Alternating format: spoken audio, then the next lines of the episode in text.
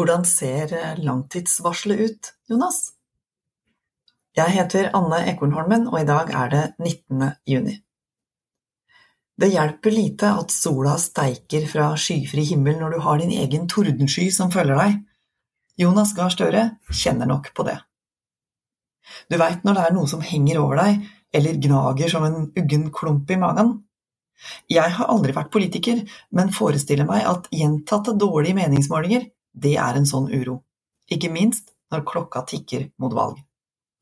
Om under tre måneder skal de norske velgerne sette sammen 357 nye kommunestyrer. Haram går ut gjennom Ålesund. Det skjer med samarbeidskonstellasjoner som ofte går på tvers av den politiske skalaens tradisjonelle allianser. Et partis tilsynelatende valgseier, eller prosentvis høye oppslutning, krones altså ikke automatisk med ordførerkjede. Det skal forhandles. I dag samarbeider Senterpartiet med Høyre i Stjørdal, med SV, Ap, Høyre og Frp i Nord-Odal, og med SV og Høyre i Siljan i Telemark. De mange alliansene som går på kryss og tvers lokalt, sier mye om hvor stort arbeid som må ha vært lagt ned i NRK for valgomaten de lanserte mandag. Her kan du teste hvilket parti du er mest enig med, helt ned på den enkelte kommune. Senterpartiet kommer til sin rett som maktsøkende parti i sentrum av politikken, og kan samarbeide med mange for å kunne svinge ordførerklubba. Mens det snakkes om regjeringspartienes problemer, går det litt under radaren at Senterpartiet faktisk holder et anstendig grep om velgerne lokalt. 9,4 oppslutning på fylkesnivå i vår siste måling er et tall Trygve Slagsvold Vedum kan leve godt med.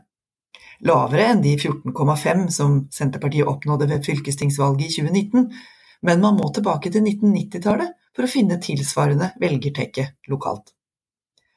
Det er verre for Ap.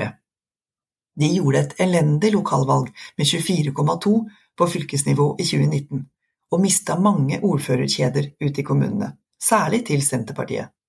Per nå ser det slett ikke bedre ut. 20,2 på vår siste måling og rundt 19 på snittet de siste fem ukene ifølge Poll of Polls gjør valgkampplanlegginga til Arbeiderpartiet til en grublefest og workshop der alle involverte må være i grønn sone og ta på ja-hatten. Gode ideer må opp på bordet og testes. Ett tiltak er to nye, friske nestledere. Tonje Brenna og Jan Christian Vestre er både unge, ivrige, taleføre og sympatiske. To av regjeringas best likte og dyktigste, dykt, dyktigste statsråder er de òg. Men velgermagneter ja, Foreløpig gjør de ikke utslag på Aps Richter-skala, akkurat. Det siste halvåret har regjeringa håndtert de fleste elementer. Jord, vind og hav peker seg ut, men størst av dem er prisveksten.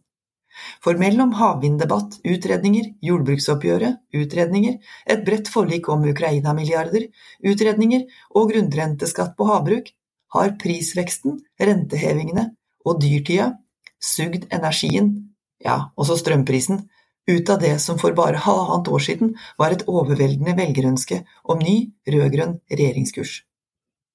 Samtidig har Høyre kunnet bade i misnøyestemmer som en ubekymra onkel Skrue i pengebingen, og bruke opposisjonsrollen til å reise rundt og snakke med folk. På stillegående valgkampmaskin. Ikke sånn å forstå at regjeringa ikke har levert politikk. Et av de viktigste grepa fra Ap og Sp i vår var å dra i land en flertallsenighet om lakseskatten med Venstre og Pasientfokus.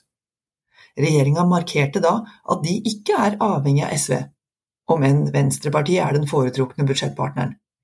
Senterpartiet fikk vist at de mener alvor med å ville være sentrumsparti, og Høyre får merke at det finnes et flertall i Stortinget utenom dem. Forliket om lakseskatten kjører dessuten en kile inn i det borgerlige samarbeidet, ved at Venstre nå ikke uten videre kan snu på hælen og følge Høyre i en omgjøring av skatten ved et eventuelt regjeringsskifte. Det er så tett på et kinderegg regjeringa kan komme. Flertall for jordbruksavtalen henta Ap og Sp imidlertid hos SV. KrF varsla også tidlig sin støtte, nok et tegn på at flere enigheter kan finnes i sentrum. Venstre nørte, nørte seg også fram til å stemme subsidiært for. Hva har det å si for kommune- og fylkestingsvalget? Framover vil vi jo snakke om lokale saker, om skolestruktur og Helsetunet, næringsetablering og utbygging. Og det skal vi, heldigvis, når vi skal stemme på våre nærmeste folkevalgte. men det betyr mye for partienes posisjon nasjonalt hvordan de gjør det lokalt. Det betyr noe for Jonas, Trygve og Erna hvor mange kommuner de styrer, hvor mange ordførere de har på laget. Det betyr mye for hvordan politikken utformes, samfunnet utvikles, og hvordan kommunikasjonen føres mellom politikere på lokalt og nasjonalt nivå. Ser man på hvordan resultatet i 2019 la grunnlag for Aps og Sps valgseier i 2021, vil også årets valg legge sterke føringer for hvordan de nasjonale partiene fører valgkamp fram mot stortingsvalget i 2025. September kan gi et svar på om tordenskya over regjeringa driver unna og sola titter fram, eller om det grå langtidsvarselet vedvarer fram mot høsten om to år. Jeg heter Anne Ekornholmen, og dette her var Nasjonen på øret. Hvis du vil høre flere kommentarer, så finner du dem på nettsidene våre nasjonen.no, eller der du hører dine podkast. Ha det bra!